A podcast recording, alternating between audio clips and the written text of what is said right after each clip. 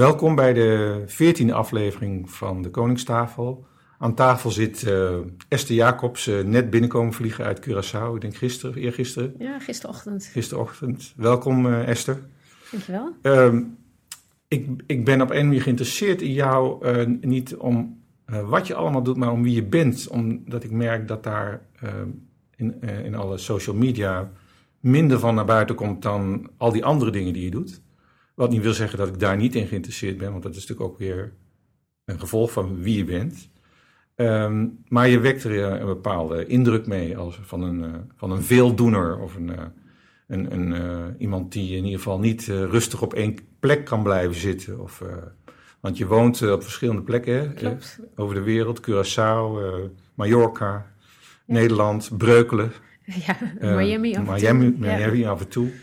Um, ja, dat maakt nieuwsgierig. Wat beweegt uh, een vrouw van, wat ben je, begin 40? 43. 43, ja. um, om zo over de wereld te hoppen. Uh, en, en al die dingen te doen uh, die je doet, daar zullen we nog over praten, van wat je dan allemaal doet. Maar met name ook, ja, ik ben geïnteresseerd naar je, naar je drijfveer en, en de rode draad ook in je bestaan. Nou, als ik jou zo hoor praten, dan denk je, wat mij drijft, is eigenlijk ook nieuwsgierigheid als ik ergens in geïnteresseerd ben, dan ga ik het uitzoeken. Of ik ga erheen, of ik ga iemand opzoeken die er wat van weet. En dat is natuurlijk een combinatie van nieuwsgierigheid hebben en dan ook doen eraan verbinden. Ik kan er overal doen aan verbinden.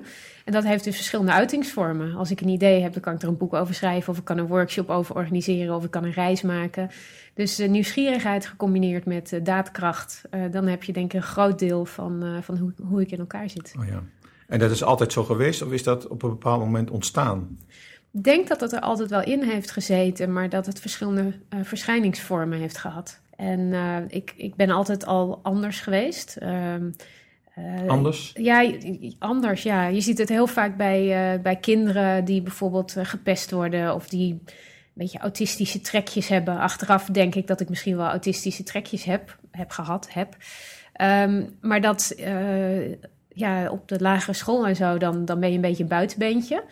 Um, en uh, sommige mensen voelen zich dan heel alleen. En ik heb eigenlijk dat alleen zijn uh, als, ja, dat vond ik eigenlijk wel fijn.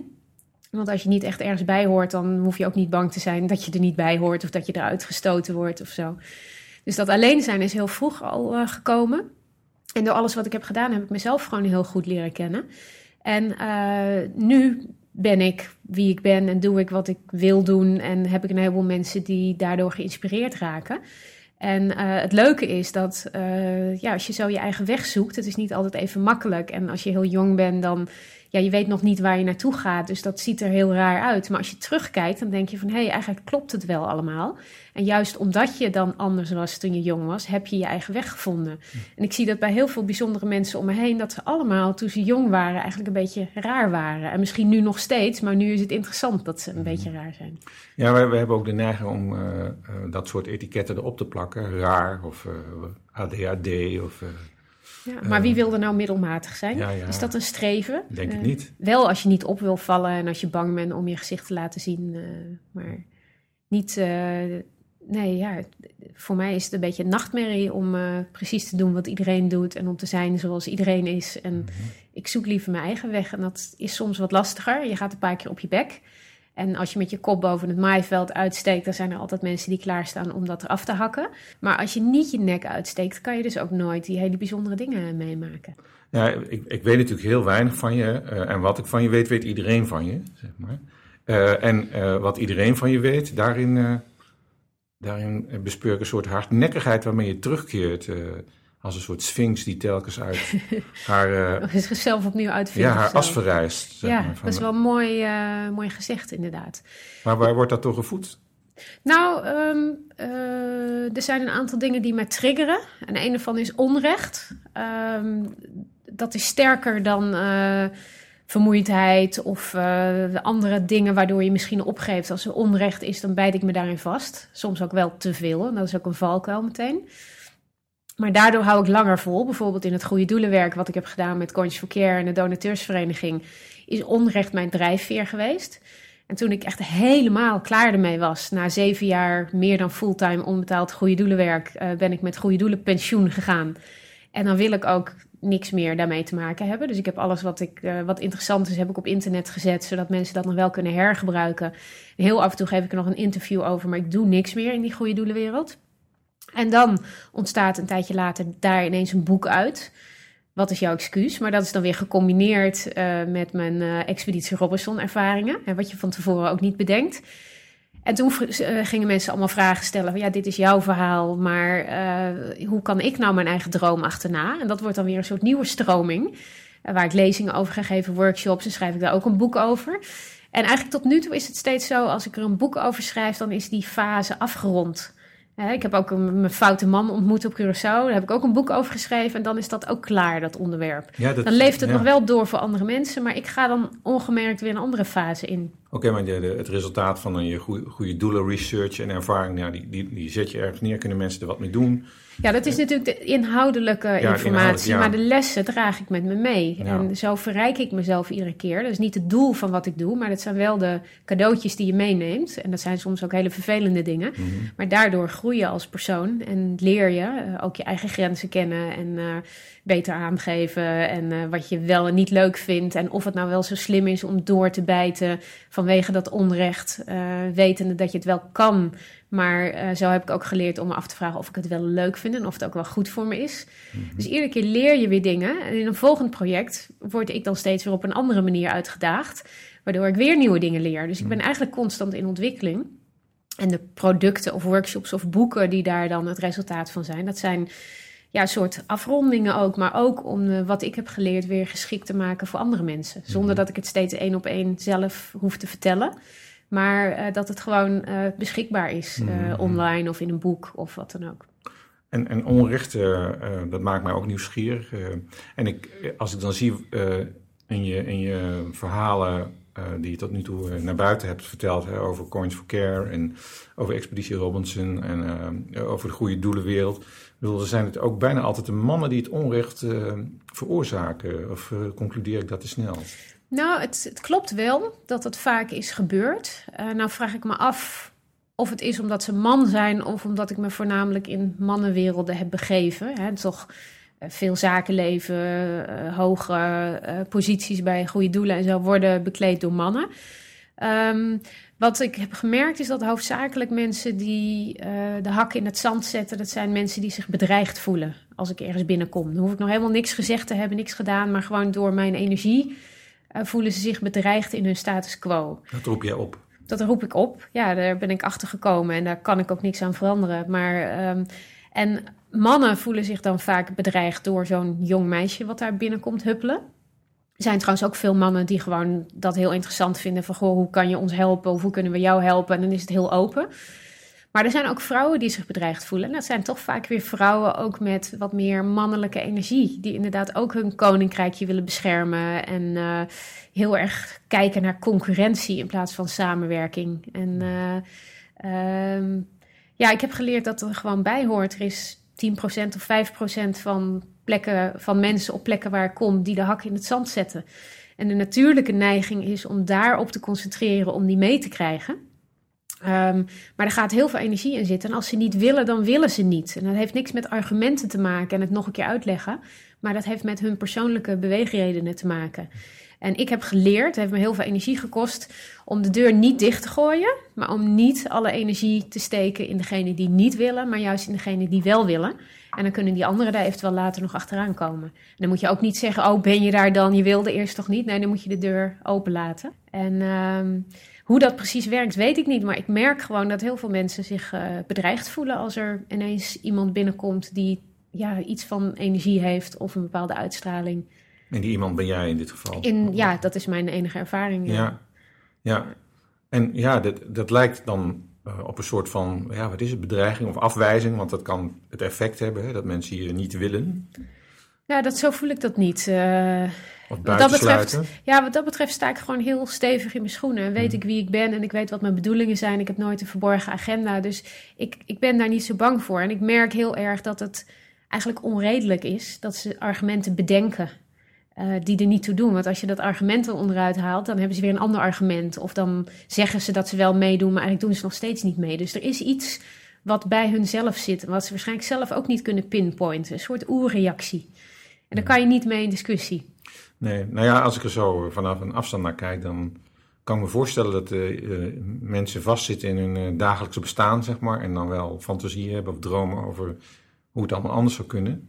Uh, maar daar niet toe komen, dat, dat, dat ontwikkelen ze dan niet. En dan komt er ineens iemand binnen en die heeft een idee hoe het wel zou kunnen. Dat kan natuurlijk. Ja, het is ook kill the messenger. Ja. dat ook. En het is als je maar focust op de boodschapper, dan hoef je niet op de boodschap te letten.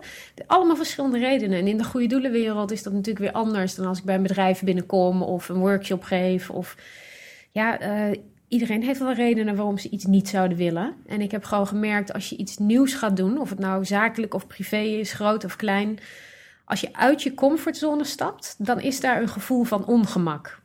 En je kan daar dan allerlei argumenten en excuses bij bedenken of schuldigen aanwijzen. Of je kan denken, hey, dit voelt ongemakkelijk, dat betekent dat ik iets bijzonders ga doen. En dat, dat gevoel gaat niet weg, maar je kan het wel een plekje geven en dan verder gaan. Mhm. Maar je kan ook afgeleid worden daardoor, onbewust. Of je kan het bewust aangrijpen als excuus. Nou ja, in al die vormen zit wel wat eh, waar ik af en toe een rol in speel als ik een lezing geef of met een nieuw idee kom of ergens binnenloop. Dus uh, genoeg reden tot, uh, tot hakken in het zand. Ja, en oké, uh, dat zijn de comfortzones van mensen die je tegenkomt. hoe zit het bij jezelf eigenlijk? Wat, wat, wat ligt er buiten jouw comfortzone? Wanneer ga jij met je hak in het zand? Nou, het grappige is dat een heleboel dingen die voor anderen buiten een comfortzone liggen, dat dat voor mij uh, mijn comfortzone is. Uh, reizen, uh, niet plannen, weinig bezittingen, niet weten of ik geld ga verdienen of bijna geen geld hebben, noem maar op. Maar wat voor mij buiten mijn comfortzone ligt, dat is voor misschien voor anderen wel weer heel normaal. Hè? Dus eh, je moet mij niet uh, op een kantoor zetten van 9 tot 5 of een baan. Ik heb nog nooit een baan voor een baas gehad. Uh, daar breekt mij het, zweet al uit als ik eraan denk. Dat ik nu al weet wat ik over vijf jaar doe of waar ik over een jaar ben. En, en wat ook grappig is, ik, ik vertel dus altijd tegen anderen: als je uit je comfortzone stapt, dan heb je dat gevoel van ongemak. En dat gaat nooit helemaal weg, maar je kunt het wel herkennen. Maar als het mij dus gebeurt, dan uh, op een manier die ik nog niet ken, dan trap ik er ook in. Uh, en, vertel eens. Nou, een voorbeeld is. Um, eind 2012 werd ik ineens door de gemeente Amstelveen uitgeschreven uit mijn eigen koophuis, wat ik uh, daar al 16 jaar had. Omdat ik minder dan vier maanden per jaar in mijn eigen huis slaap. Ik wist helemaal niet dat daar regels voor waren. Ik reis gewoon veel, maar ik woon ook niet op een andere plek en ik betaal gewoon belasting, noem maar op. Maar ze hadden dus besloten van nee, we gaan de regels heel streng toepassen. En uh, mevrouw Jacobs mag niet meer ingeschreven staan in haar eigen koophuis. Dus uh, nou, het was natuurlijk heel stom. Ik kon mijn paspoort niet verlengen. En ik, uh, ik had ineens geen recht meer op allerlei uh, regelingen en noem maar op. Maar je, stond er iemand te post of verbruik je te weinig energie? Of waar bleek dat uit? Nee, ik had mijn huis tijdelijk verhuurd. Oké daardoor is het zeg maar gaan rollen. Maar toen vroeg ik aan de gemeente, maar als ik mijn huis nou gewoon leeg laat staan als ik er niet ben. Nee, dan komen we ook controleren of je daar wel vier maanden per jaar slaapt. En dan zouden ze echt gaan aanbellen en tickets en rekeningen opvragen. Ik denk, ja, dat is een soort politiestaat. Maar in eerste instantie ben ik daar dus heel erg tegenin gegaan. Wat een onrecht. Het is mijn eigen koophuis. Ik heb geen uitkering. Ik doe niemand kwaad. Wat is dit voor onzin? En ik ben te strijden getrokken tot en met kamervragen aan toe en media en noem maar op. En uh, ik werd daar heel ongelukkig van. Dus heel negatief natuurlijk. Als je iets wat heel normaal is ergens ingeschreven staan, als je daar zoveel energie aan moet verspillen. En um, op een dag, ik denk twee maanden later, ging bij mij pas het lichtje branden van hey, als dit nou niet weggaat, het ziet er nou uit dat dit niet weggaat, dan uh, kan ik er misschien wel iets mee. En toen dacht ik, dit is eigenlijk wat ik altijd heb gewild, ultieme vrijheid. Want ik heb wel eens eerder gedacht, ik ben eigenlijk een wereldburger. Dus waarom zou ik nog in Nederland ingeschreven staan, boekhouding moeten bijhouden, belasting betalen? Maar als je daar zomaar uitstapt, dan heeft het ook veel, brengt het veel met zich mee. Hè? Je weet niet wat je allemaal tegenkomt en, en slapende honden wakker maken en allerlei procedures. Dus ik had dat nooit gedaan. En nu had de gemeente Amstelveen me eigenlijk een dienst bewezen. Want als ik zou emigreren of weggaan naar Nederland, dan moet ik aan de Belastingdienst bewijzen dat ik niet meer in Nederland woon. En nu had de gemeente Amstelveen dat al voor mij gedaan. En pas op dat moment, twee maanden later, kon ik dus het knopje omzetten en bedenken van hé, hey, die weerstand die ik voelde, en, hè, want ik zag er heel erg tegenop, dat is eigenlijk ook gewoon uit je comfortzone stappen. En toen zag ik ook de voordelen. Toen heb ik een bedrijf opgericht in het buitenland, de British Virgin Islands. Hoef ik geen belasting te betalen, geen administratie meer bij te houden. En toen had ik ook voordelen gecreëerd, waardoor ik die onzekerheid aankon.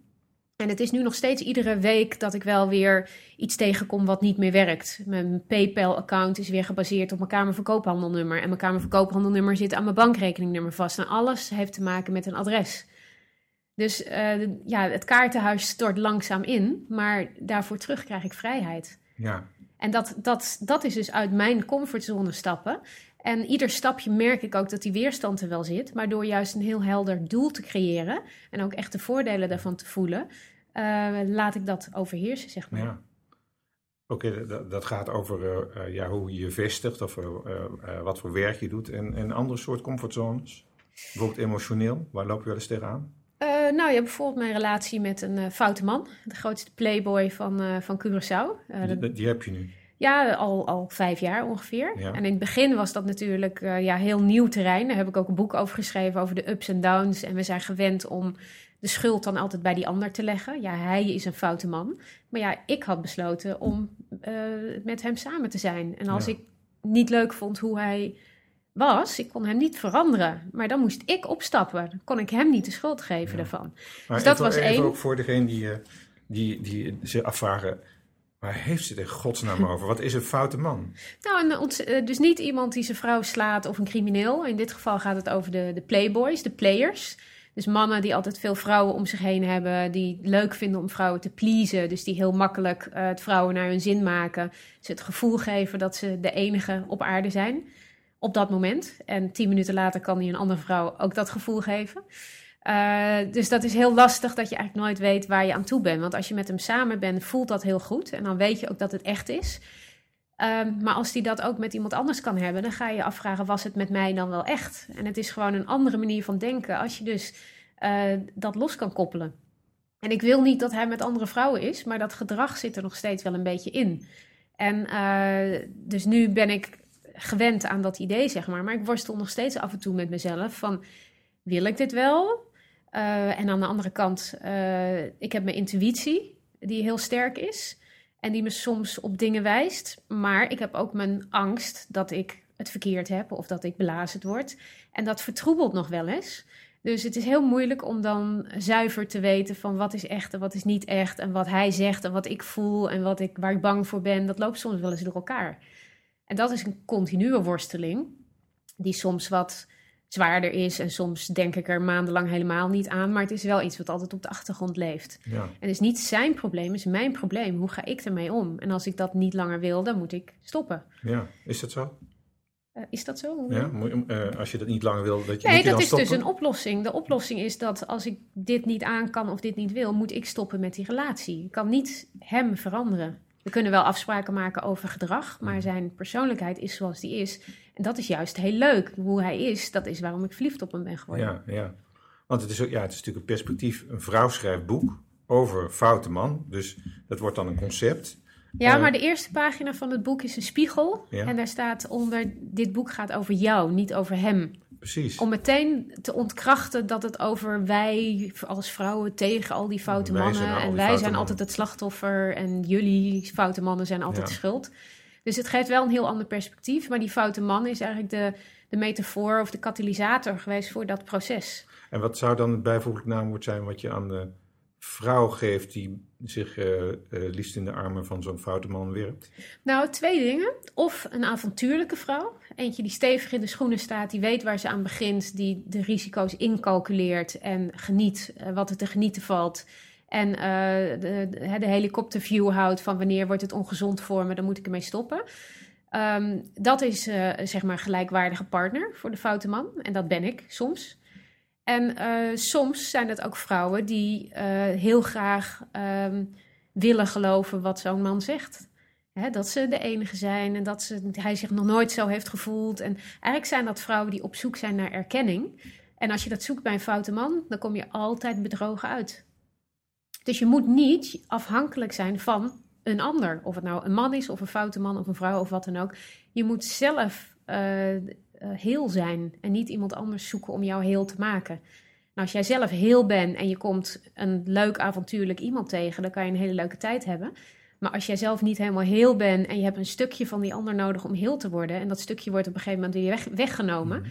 ja, dan blijf je dus weer gewond achter. Ja. En ben jij heel? Uh, meestal wel, ja. Ja. Maar, Maar ik waar- ben ook waar- een mens. Waar merk je dat aan? Nou, dat ik, nogmaals, dat ik gewoon heel stevig in mijn schoenen sta. En als jij nu ineens tegen mij zou zeggen van... eh, ja, ik vind jou helemaal niet leuk of dit of dat... dan ga ik dat niet op mezelf betrekken. Eh, en als je zegt, je haar zit niet goed... dan hou ik echt wel een hand om mijn haar van... oh, moet ik even, er zit iets op je tanden of zo. Ja, ik ben ook gewoon een mens. Maar ehm, om een voorbeeld te geven... bij Expeditie Robinson eh, ben ik in een hele speciale positie gezet. Ik ben twee weken verstopt in een grot... En de andere kandidaten zaten op twee eilanden en die deden gewoon hun proeven. En die stemden mensen weg en die konden eten winnen. Die wisten niet dat ik en en een eh, andere man bestonden, dat we in die grot zaten. Na twee weken moesten we een vlot bouwen en naar die anderen toe. En wij waren heel blij van eindelijk kunnen we de anderen ontmoeten, meedoen aan het programma. En die anderen hadden zoiets van, hè, twee nieuwe deelnemers, dat willen we helemaal niet. Toen werden die groepen door elkaar gegooid, waardoor de comfortzone hè, weer overhoop werd gegooid. En toen werden Marnix en ik werden leiders gemaakt van die twee groepen. En mijn groep eh, waren mensen die waren net een beetje de informele leiders in die oude setting. En die baalden dus dat de situatie anders was, dat de spelregels waren omgegooid. En dat projecteerden ze op mij als nieuwe leider. En van het begin af aan wilden ze zich niet aan me voorstellen. Ze wilden niet met me praten. Het eten werd niet gedeeld. Mijn leven werd zuur gemaakt. 24 uur per dag, 10 dagen lang door zeven mensen. Terreur. Echt waar, terreur. En iedere dag hadden ze een ander argument. Esther, je bent er als laatste bijgekomen, dus je moet als eerste weg. Esther, Marnix en jij hebben allebei een rood hoofddoekje om, eh, dus jullie komen van een modellenbureau, jullie zijn niet echt. Eh, Esther, we vinden jou gewoon niet leuk als persoon, dus je moet gewoon weg. Iedere dag weer. En ik heb me echt heel ellendig gevoeld. Maar mensen vroegen aan me, waarom heb je niet opgegeven? En ik heb daar heel lang over nagedacht. En eigenlijk was het zo, als ze een half uur hadden gewacht, met me hadden gepraat en dan tegen me hadden gezegd: Esther, we vinden jou niet leuk en dat hele traject hadden ingezet, dan was het echt geweest. Maar omdat ze vanaf seconde één tegen mij waren, heb ik mezelf steeds kunnen vertellen: het, ze waren het al van plan. En dan vind je altijd wel een stok om mee te slaan en vind je altijd wel argumenten. Maar ze wilden van het begin af aan tegen jou zijn. En daarom heb ik het niet al te persoonlijk opgenomen. Ik heb wel een paar keer zitten huilen op televisie en zo. Het is gewoon echt heel ellendig om in zo'n situatie te zitten. Ja. Maar ik heb nooit het diep in me gevoeld van ik ben niet goed genoeg of ik ben niet leuk. Of, eh, dat, dat is eigenlijk mijn grote voordeel geweest toen tijdens dat programma. En dat heb ik meestal ook in het dagelijks leven. Het is maar heel soms dat ik me echt geraakt voel of dat ik denk, oh mensen vinden me niet leuk genoeg. Of eh, ik ben daar helemaal niet mee bezig eigenlijk. Mhm. En dat is ook wel een groot voordeel. Natuurlijk, alles wat ik doe is ook een, een. Ja, ik wil niet zeggen dat het een afleiding is. Maar ik ben altijd bezig met dingen voor elkaar krijgen. Ik ben helemaal niet bezig met wie ik ben of, eh, of ik er wel bij hoor. Of ja, ik weet niet waar Nee, andere mensen heel druk mee zijn. Ja, We zijn, maar we zijn allemaal sociale eh ja ik dus toch? niet. Ik Jij ben een beetje autistisch, denk ik. Nee, serieus. Maar Ik, dat is eh, de sleutel. Misschien wel. Eh, en het heeft ook wel heel veel nadelen gehad. Want ik heb echt moeten uitvinden hoe mensen met elkaar omgaan. Hè, en chit-chat op een receptie of zo. Goh, gaat het met jou hoor? Hoe was je vakantie? Dit, dat. Ik, ik kan dat niet. Tenminste, ik heb het wel geleerd. Maar eh, vroeger deed ik dat nooit. En dan vonden mensen me raar. En ik heb dus echt als een soort ja, intellectuele challenge moeten uitvinden hoe dat werkt. Hè? Met, met complimentjes geven, met onzekerheid van mensen, met mensen erbij betrekken. Eh, waar ik nooit mee bezig ben, zijn andere mensen wel heel erg mee bezig. En dat heb ik moeten leren. Maar mijn natuurlijke staat is alleen zijn. Ik ben heel graag alleen, ik ben heel veel alleen. En ik laat mezelf op als ik alleen ben. En ik kan ook met andere mensen zijn, dat vind ik ook heel leuk. Maar daarna moet ik weer alleen zijn. En er zijn ook veel mensen die zeggen: Oh, ik kan ook wel alleen zijn. En dat betekent dat hun natuurlijke staat is om met andere mensen te zijn. En dat ze ook af en toe alleen kunnen zijn. Bij mij is dat gewoon andersom. Ja, bij mij popt het beeld op van een soort vrouwelijke Tarzan. eh. nou, helemaal niet hoor. nee, maar die, die eh, eh, zeg maar uit de jungle gerukt wordt en in een net pak gehezen. En dan een rondje moet maken wel. langs al die culturele, Ja. wat wij allemaal... Ja, ja, ja. En dat kan die wel op een gegeven moment, maar zijn oorsprong blijft anders. Ja, Ja. dat bedoel ik. Ja, Ja. natuurlijk. Nee, ik heb het echt geleerd en ik moet zeggen, ik vind het ook echt heel leuk. En ik heb veel vrienden en ik, weet je, ik kom op de meest bijzondere plekken en ik maak heel veel bijzondere dingen mee. Maar ik merk dat eh, ik moet me gewoon af en toe even terugtrekken om weer op te laden en mezelf te zijn. En ik ben ook beter in, in één op één of één op twee situaties dan recepties en grote bijeenkomsten en concerten en, en mensenmassa's eh, vind ik niet leuk. Nee. Maar ervoor staan met een verhaal weer wel. Eh, ja, op een of andere manier kan ik dat wel weer heel goed. Ehm, maar dan komen mensen ook voor mij. Dan hoef ik me niet aan te passen. Dan komen ze juist om te horen hoe ik anders ben en wat ze daarvan kunnen leren, zeg maar. Of hoe ik anders naar dingen kijk. Dus ik heb eigenlijk een hele goede modus gevonden, per ongeluk. Uh, hoe ik die interactie met andere mensen heel goed kan, uh, kan doen. Dat, dat we er allebei energie van krijgen, of allemaal energie van mhm. krijgen. Ja, en ik heb gemerkt als je voor een groep staat, of een boek schrijft, of een interview geeft. Um, als je net iets verder bent dan andere mensen, dan is het eigenlijk niet zo heel interessant. Maar als je een heel extreem vertegenwoordigt, dan lok je mensen daarmee uit hun comfortzone. En je, je, je prikkelt ze, je daagt ze uit. En dat is eigenlijk wat er blijft hangen, een zaadje, plantje. En daarom denk ik dat ik zoveel gevraagd word voor lezingen en, en boeken en workshops en dat soort dingen. Omdat ik op heel veel punten echt ja, een extreem ben. Mhm. helemaal niet iedereen moet zijn baan opgezegd en een wereldreis gaan maken en leven zoals ik leef. Maar eh, als ik daar sta van ja, ik heb, ben eigenlijk in loondienst en af en toe doe ik een projectje, dan is het veel minder interessant om op een podium te staan, zeg maar. Ja, ja je representeert natuurlijk een avonturier. Ja, en soms vergroot ik dat ook wat uit. Ik ga dan niet in een boek of een interview of op zo'n podium zeggen dat tussen al mijn wilde avonturen door, uh, dat ik af en toe ook, uh, hè, wat ik net zei, in bed lig met de dekens over mijn hoofd, dat ik er eigenlijk geen zin in heb. Misschien zou ik dat juist wel moeten doen, ook weer als tegenstelling. Maar je begrijpt wat ik bedoel. het zijn alleen de excessen die ik belicht, omdat dat juist het grootste effect heeft eh, bij mensen. Maar nu, nu loop je bijvoorbeeld, uh, je vertelde dat je zes weken geleden heb je een whiplash opgelopen. Ja, auto-ongeluk. Dat, is natuurlijk niet iets wat je iemand toewenst, maar het is wel een extreme situatie. ja, en ik baalde natuurlijk enorm van. ik voel me nou wel weer ietsje beter. Maar ehm, ja, die eerste paar weken kon ik helemaal niks. Ik kon niet nadenken, ik kon geen beeldscherm verdragen. Ik kon niet, ja, kon bijna niks. En ehm, ja, mijn agenda zat natuurlijk vol gepland en ik, ik ben gewend om heel scherp te zijn, om duizend dingen tegelijk te doen. En uh, dat werkte dus niet. Ik was net mijn boek aan het afmaken, het handboek voor wereldburgers, over inderdaad de levensstijl uh, die ik heb, naar aanleiding van de gemeente Amstelveen. Was bijna af, mensen hadden het al besteld, betaald, noem maar op. Ja, dat heb ik ook gewoon een paar maanden moeten uitstellen. En uh, uh, ik weet altijd dat er in ellende zit een cadeautje verstopt. Dus ik ben van het begin af aan op zoek geweest naar het cadeautje. En dat is natuurlijk heel lastig als je lichamelijk en geestelijk uh, een beetje in de kreukels zit. Maar ik wist dat er iets in zat. En uh, wat ik uiteindelijk heb gevonden is, ik ben, nou, ik moest natuurlijk heel rustig aandoen, terwijl ik altijd heel druk ben. Maar ik werd gedwongen, want mijn hoofd ging ook niet meer zo snel. Als je met een gebroken been op de bank ligt, dan kan je nog steeds nadenken en e-mailen en internetten. En ik kon helemaal niks. Ik kon nog geen meditatie-cd opzetten. Ik kon geen filmpje kijken. Ik kon geen boek lezen. Dus alles wat je normaal gesproken doet om te relaxen, dat kon ik niet. Dus. Um, uh, wat ja, je dan? Nou ja, ik, niks dus. Heel vervelend. En ook niet lekker niks, maar gewoon gedwongen niks. En een paar weken geleden ben ik begonnen met uh, yoga. Dat was me aangeraden, privé-sessies. En ik dacht, oh, eindelijk ga ik weer wat doen. dat doen zat er nog in. Dus ik dacht, nou ga ik oefeningen doen en weer sterker worden. De eerste paar sessies mocht ik alleen maar ademhalen. Dus ik werd op de grond gelegd en werd er gezegd: adem nu naar je linkerpink toe. Adem nu naar je rechterschouder toe. Nou, ik kon dat mensen wel voor de bek slaan. Was echt heel moeilijk. En ik deed het omdat ik vond dat het moet. Want ik had een plan gemaakt dat ik weer beter kon worden. dit was een doellijst.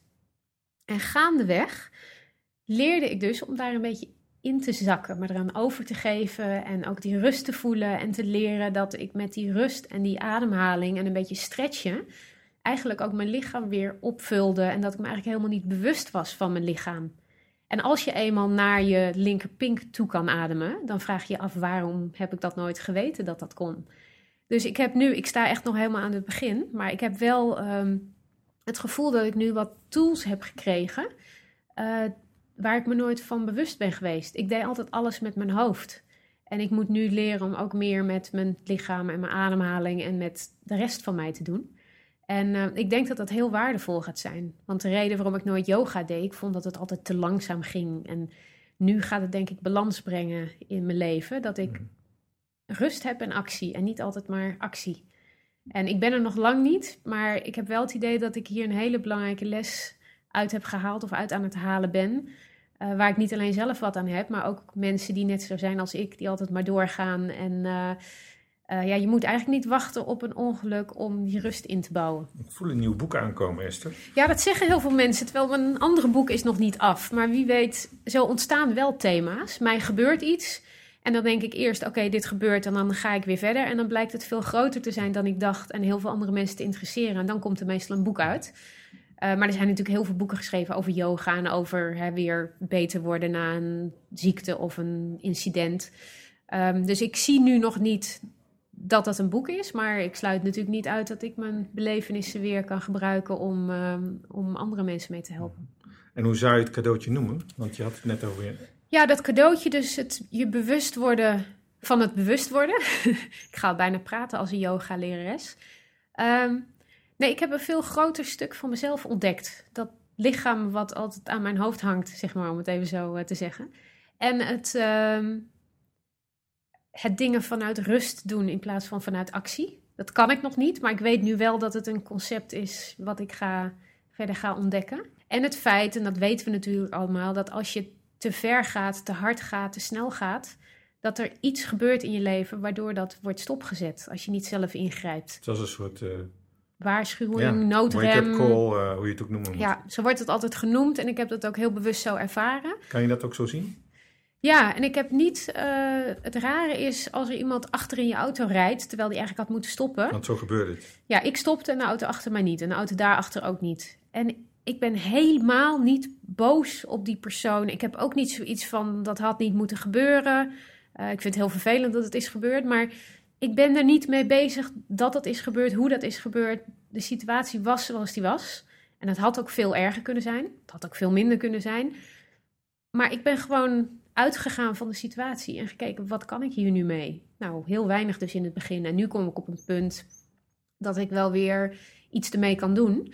En als ik niet oppas, dan ren ik weer net zo hard door als hiervoor. Ik merk dat ik nog steeds heel snel praat bijvoorbeeld en heel veel wil vertellen. En, maar um, een deel van mij heeft ook wel, uh, het zaadje van die rust is geplant. En als ik dat goed water blijf geven met mijn yoga oefeningen, met bewustzijn ervan, dan denk ik dat dat kan uitgroeien tot iets heel moois. Wat heel mooi naast mijn andere ik kan staan en wat dat geheel sterker maakt. En als ik daar weer overheen wals, dan kan ik weer een tijdje heel snel doorgaan. Maar dan gaat er weer een ander moment komen waarop ik daar weer op word gewezen. En dat wil ik niet zo ver laten komen. En hoe zou dat moment eruit kunnen zien? Ja, dan, dan gaat, zal er wel weer iets gebeuren. Dat, dat, kan, hè, dat kan ziekte zijn, het kan een ongeluk zijn, dat kan, weet ik veel wat, wat er kan. Het kan van alles gebeuren. Het leven zit vol, um, hoe noem je dat, tweaks die, uh, die je kunnen sturen of ervaringen geven of mensen die je ontmoet. Ik geloof dat alles wel een, reden heeft. Um, maar ik geloof ook dat je daar zelf uh, in kunt sturen. En dit is voor mij wel een hele duidelijke boodschap geweest waar ik... Uh, echt het beste uit wil halen. Dus niet van, oh, het moet maar zo. Nee, ik, ik geloof, ik begin nu ook echt te voelen dat, dat yoga en rust en bewust worden, dat daar heel veel nieuwe kracht voor mij in kan zitten. Ja, dat is een soort stop. Ja, en ik, ik heb nu dus een, uh, een nieuwe toolbox aangereikt gekregen. Dus mijn tool was altijd mijn hoofd en het doen en, en heel snel. En uh, deze nieuwe toolbox, daar zitten allemaal dingen in waarvan ik het bestaan helemaal niet kende. Zoals uh, ademhaling en ja, allemaal hele kleine dingetjes. Maar ik denk dat, dat je daar ook wel hele mooie dingen mee kan. -hmm. En hoe, hoe zit ja, want jij maakt echt duidelijk een onderscheid tussen hier ergens halve ja. tussen hoofd en romp of, of lijf. Uh, hoofd en uh, ratio en gevoel, hoofd ja, ja. en hart, uh, ja. Ja, nou, die hoorde ik je nog niet maken, ratio Nee, ik zeg maar... nou even hoofd en lichaam, maar eigenlijk zit het allemaal met de ratio en gevoel en hoofd dat... en hart. Dat is, dat is voor mij allemaal hetzelfde onderscheid, ja. Hoe, hoe komt dat, dat jij zo hoofdrug bent? Zeg maar? Nou, ik denk dat dat mijn mannelijke kant is. ik heb gewoon geleerd, gemerkt dat dat de meest praktische uh, manier is om door het leven te gaan. Uh, we zitten nu hier op Nijrode en ik heb hier gestudeerd uh, van 1989 tot 92. Bedrijfskunde? Toen was ik, bedrijfskunde. Toen was ik 19 toen ik hier kwam. net klaar met het VWO. Mijn ouders waren aan het scheiden. dus ik was weg uit huis al sinds mijn zeventiende. En um, uh, ik denk achteraf gezien dat ik gewoon in een soort overlevingsmodus was. Er was heel veel ellende thuis, het heeft heel veel jaren geduurd. Ik heb me daarvoor afgesloten. Dat kost veel energie. En daarmee sluit je ook wat andere dingen af. Dus gewoon emoties en, uh, Uh, en ik moest gewoon overleven. En je zit hier met 500, 550 studenten. En bij iedereen is wel iets aan de hand. Ouders overleden, gescheiden, altijd in het buitenland gewoon, noem maar op. Je kan hier niet zeuren. Je kan hier niet zeggen: Oh ja, maar mijn excuus is dat mijn ouders aan het scheiden zijn. Dus je moet door. En dat wilde ik ook, zo ben ik ook van nature. En ik denk dat ik toen uit de toolbox die ik toen had, uh, het doen heb uh, gepakt. En dat werkte heel goed. Dus dat ben ik gaan uitbouwen en uitbouwen. En daar ben ik dus extreem goed in geworden. Dingen met je hoofd doen, snel denken, analyseren, communiceren, omzetten in concrete projecten. Uh, niet heel lang plannen, maar gewoon doen. Zichtbare resultaten, nou, dat hele pakket. Daar ben ik heel goed in geworden. En als je ergens heel goed in bent en je komt in een nieuwe situatie, dan pak je die vertrouwde toolbox. En die heeft ook altijd heel goed gewerkt. Um, alleen, um, als je een ander deel van jezelf onderontwikkelt of onbelicht laat, of je niet bewust bent dat die ook bestaat. Ik geloof ook wel in, in balans en in dat je als persoon uh, als een geheel moet groeien en niet alleen maar één facet van jezelf uitlichten.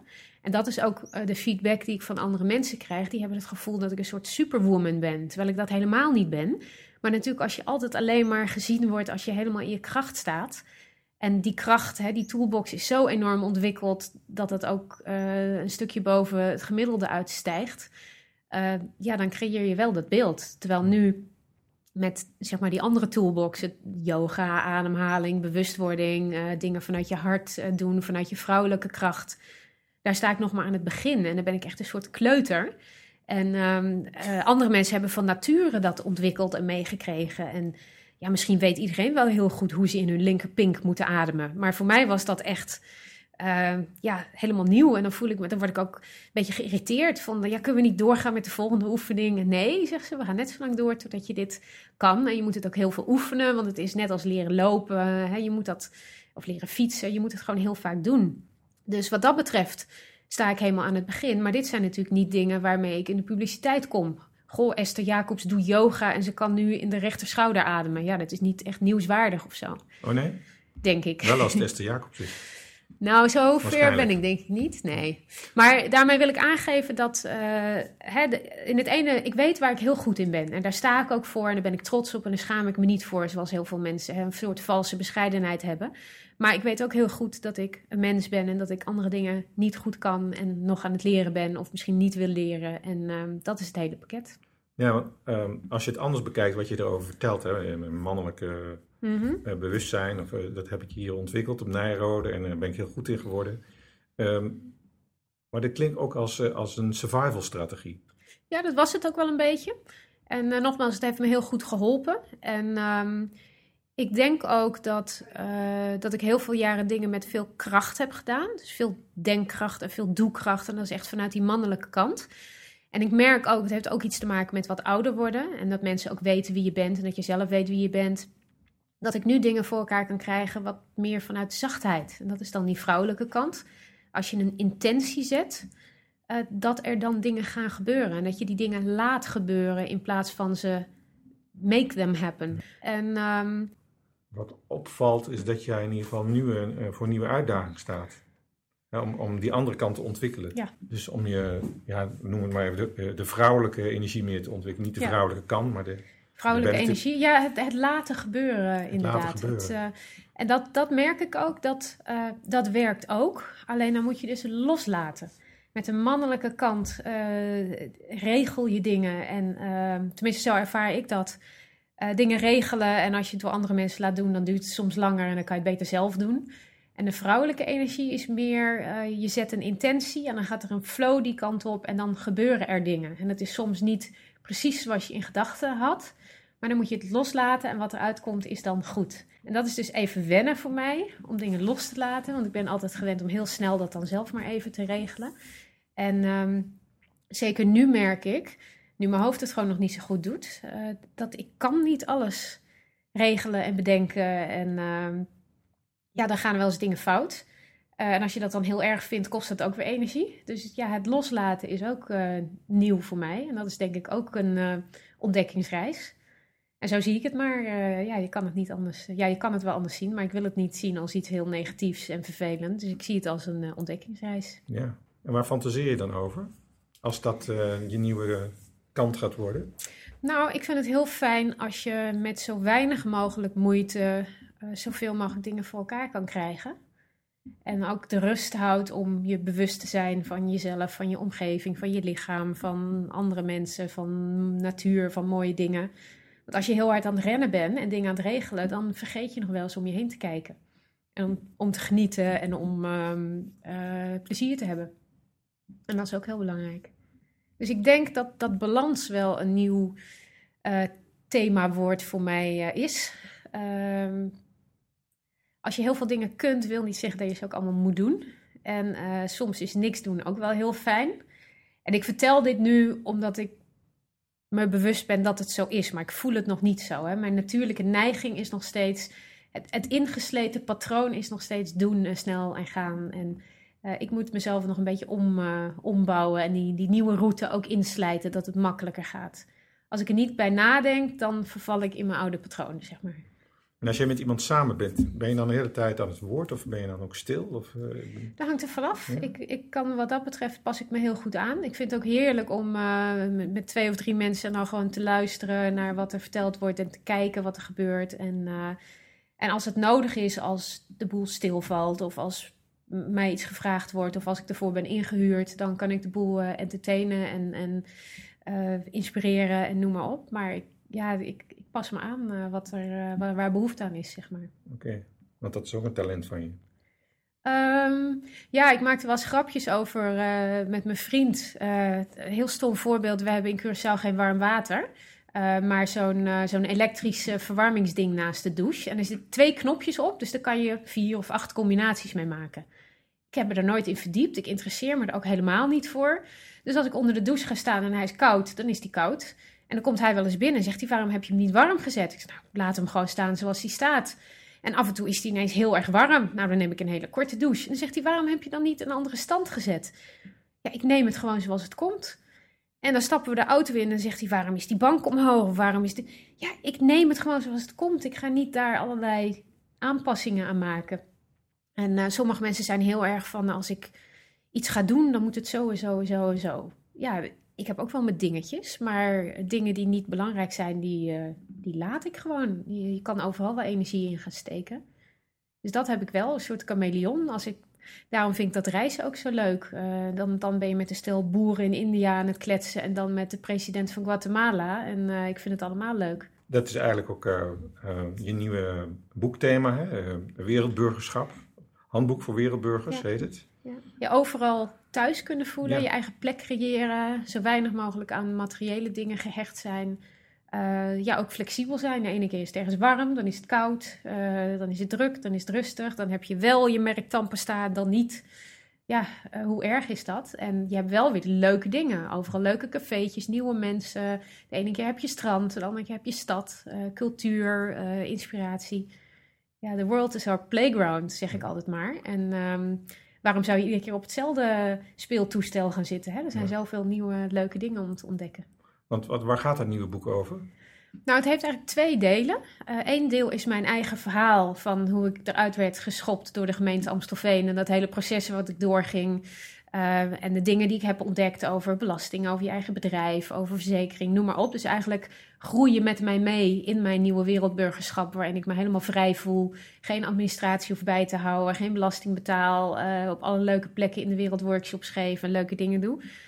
Dat is één kant. En de andere kant van het boek is eigenlijk een soort handboek met hoofdstukjes over uh, verzekering, belasting, tips om te minimaliseren. Zowel qua spullen als uh, slimmer werken, je computer handig indelen. Um, eigenlijk allerlei tools die je als wereldburger kunt gebruiken. Um, en bij elkaar heb je dan een boek met voor elk wat wils. Er zullen een paar leuke bestemmingen in staan. Er zullen wat handige tips in staan. Ook als je gewoon in Nederland woont en weinig spullen wil hebben, slimmer wil werken. Het kan gewoon een leuk verhaal zijn om te lezen. Maar het is ook een soort nieuwe generatie mobiele burgers. Zeker als je voor jezelf werkt en je werkt met je laptop. Ja, je kan thuis gaan zitten in de regen met een kop warme chocolademelk. Maar je zou ook op het strand van Curaçao kunnen zitten met je laptop. Of je zou ook in Berlijn kunnen zitten in een trendy cafeetje. Uh, het, het, is ook een beetje het prikkelen van mensen. Van als je thuis zit, kies ervoor om thuis te zitten. En als jij alleen maar aan het schelden bent op de winter en de rot weer en de file, eh, waarom kies je dan niet een andere plek waar je wel gelukkig bent? Dus er zit van alles wat in. En ik baseer het altijd op mijn eigen uh, ervaring.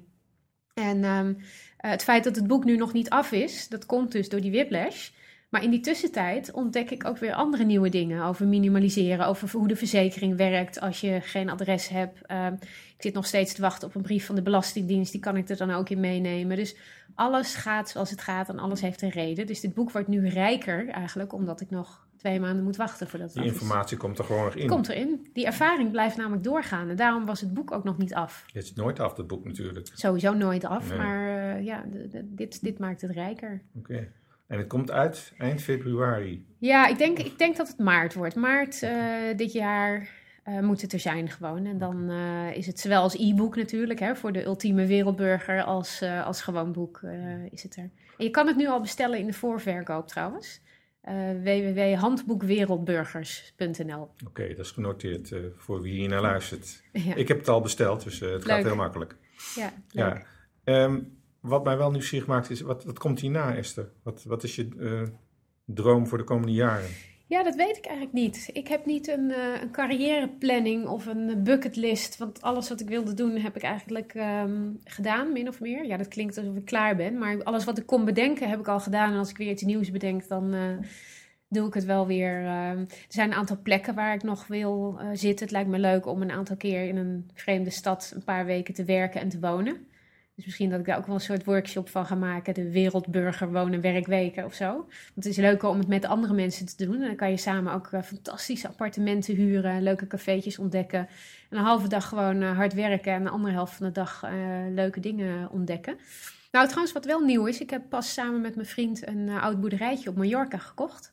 En uh, dat gaan we opknappen met uh, 5000 vierkante meter uh, olijfbomen, amandelbomen, vijgenbomen, kippetjes. Nou ja, een soort droom. Geen elektriciteit, geen water, dus we gaan het helemaal self-sustainable maken. En dat is ook weer een nieuw avontuur. Daar zie ik ook nog wel een keer een boek van komen. Want heel veel mensen willen dat. En ze doen het niet, terwijl het eigenlijk heel makkelijk is. Je hebt niet veel geld nodig, je hebt helemaal niet veel... Ja, het is eigenlijk heel makkelijk.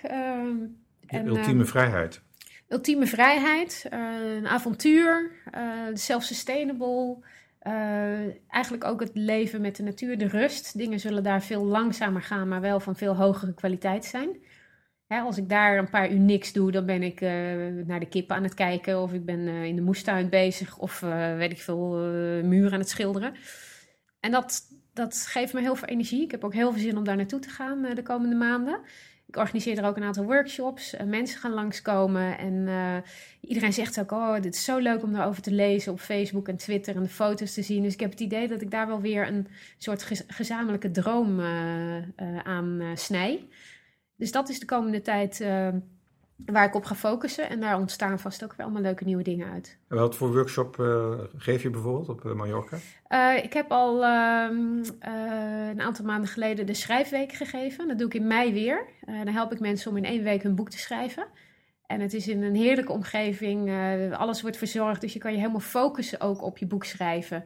er zijn ook andere mensen die daarmee bezig zijn. Dus je wordt nergens door afgeleid en je wordt door elkaar geïnspireerd. Dat is heel leuk om te doen.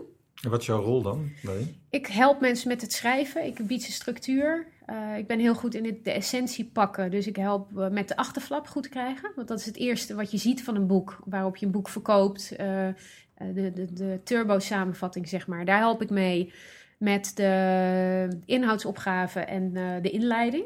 dat moet gewoon heel goed zijn. En de rest van het boek, ja, daar zet je in wat je erin wil zetten. Maar ik ga niet alles lezen. Maar dat die, eerste 5% is eigenlijk al 80% van je boek. En als je dat goed hebt, dan kan je thuis ook verder ermee. Terwijl als je thuis nog moet bedenken, oh, hoe ga ik het eigenlijk doen? En je hebt maar twee uur, ja, dan ga je toch de was doen of strijken. Of, hè, dat hoor ik van mensen, dat is dan een afleiding. Terwijl als je die structuur goed hebt staan, je hebt al een hoop geschreven, dan kan je thuis in een uurtje nog even een hoofdstukje schrijven. Of een, een. Dus dat, dat bied ik mensen in die schrijfweek. En wat ik nog meer doe tijdens mijn workshops is... Uh, ik wil in Mallorca een workshop geven. Uh, daar laat ik iemand voor overkomen, een expert in eetbare planten en paddenstoelen. Hoe je kan overleven uit de natuur. En ik wil zo'n wereldburger wonen werkweek doen in Mallorca. Van hoe is het nou om op een boerderijtje te wonen en eh, te werken en naar het dorp te gaan of de stad in te gaan en naar de markt. En gewoon die levensstijl. Als je dat een keer een week wil proeven, dan kan je dat bij ons uh, komen doen. En wie weet ontstaan er nog wel meer leuke dingen. Ik geef één of twee keer per jaar een personal branding workshop. Ehm, eerst in Barcelona en nu willen we dit jaar in Lissabon gaan doen.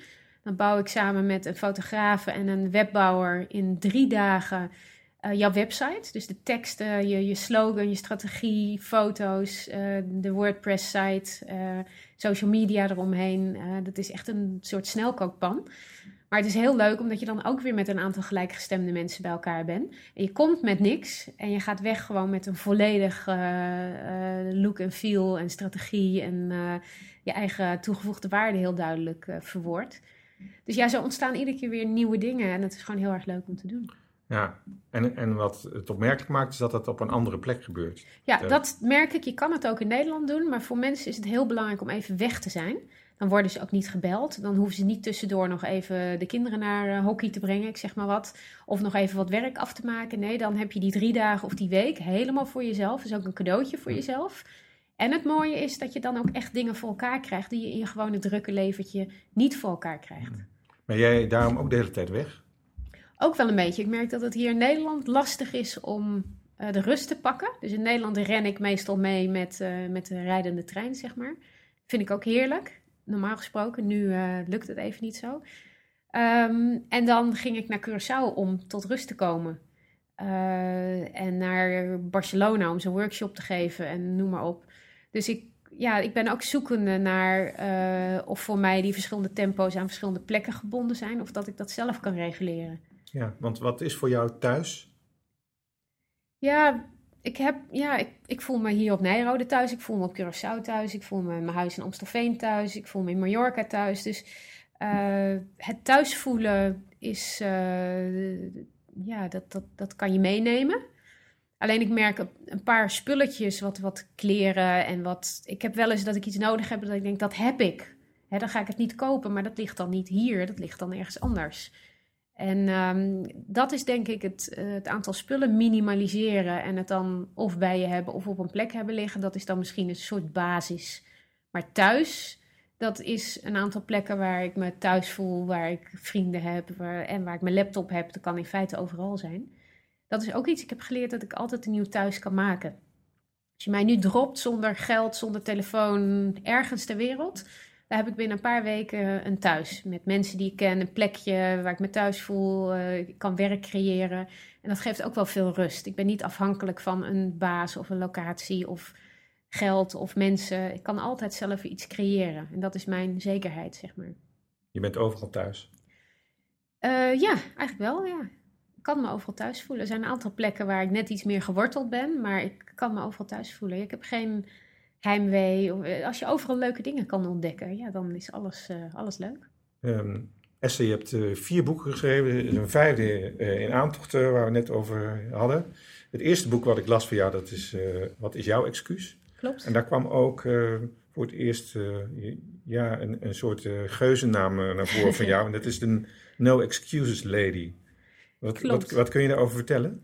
Nou, zo word ik wel eens uh, genoemd en um, uh, zo word ik wel eens aangekondigd bij lezingen. En waar het eigenlijk op neerkomt is dat uh, wat je ook wil, het is altijd mogelijk. Hè, ik heb 16 miljoen euro ingezameld voor goede doelen zonder ervaring, zonder budget, zonder netwerk. Um, en, en ik leef zoals ik leef op allerlei mooie plekken in de wereld zonder dat ik een miljonair ben of een, hè, een andere waarvan mensen denken dat dat kan alleen maar als je een rijke man hebt of als je zelf heel rijk bent of noem maar op. Dus ik laat zelf zien door mijn leven dat alles wat je wil, dat het kan. Ik zeg niet dat het makkelijk gaat, hè, want ik heb ook mijn ups en mijn downs gehad en het gaat ook niet altijd even makkelijk. Maar uh, als je het als een spel ziet, uh, er is altijd een uitweg. Je moet alleen zoeken waar die zit. Dan uh, wordt het ook ineens leuk. En in tegenslagen zit dan altijd een cadeautje. Hè? Net als met een computerspelletje. Je moet uh, levens verzamelen of hapjes eten om weer energie te krijgen. Nou, je kent het wel. Er zitten ook altijd monsters in zo'n spelletje. Ja, het zou ook niet leuk zijn als die monsters er niet waren, want dan was het allemaal veel te makkelijk. Dus net als het gewone leven. En als je daarnaar kijkt als een, uh, een spel, dan is uh, ja, no excuses eigenlijk wel een heel mooi, mooie slogan. Ook voor mensen die luisteren, waar je ook zit in je leven. Of het een zakelijk of een privé-uitdaging is, of waar je ook mee bezig bent. Wat je droomt, wat je wil, het is echt mogelijk. En als het niet lukt, dat betekent dat je het nog een keer moet proberen, of op een andere manier, of even moet wachten, of andere mensen erbij moet betrekken. Maar het kan. Dus geef niet op, maar zoek naar creatieve manieren. En richt je alleen op dingen die je echt wil. En niet omdat andere mensen zeggen dat het moet of omdat je denkt dat het hoort. Want dan verspil je daar al je energie aan. Als je iets echt wil, dan is het mogelijk. No excuses. Dankjewel uh, Esther voor je prachtige persoonlijke verhaal. Uh, dit was de veertiende aflevering van uh, de Koningstafel. de volgende gast is Marcel van Driel. iemand die ook heel erg duidelijk zijn excuses opzij heeft gezet om schrijver te worden. Daar zal hij ongetwijfeld uitgebreid over vertellen. Over een week of twee is dat. Tot ziens, tot de volgende keer. Dankjewel.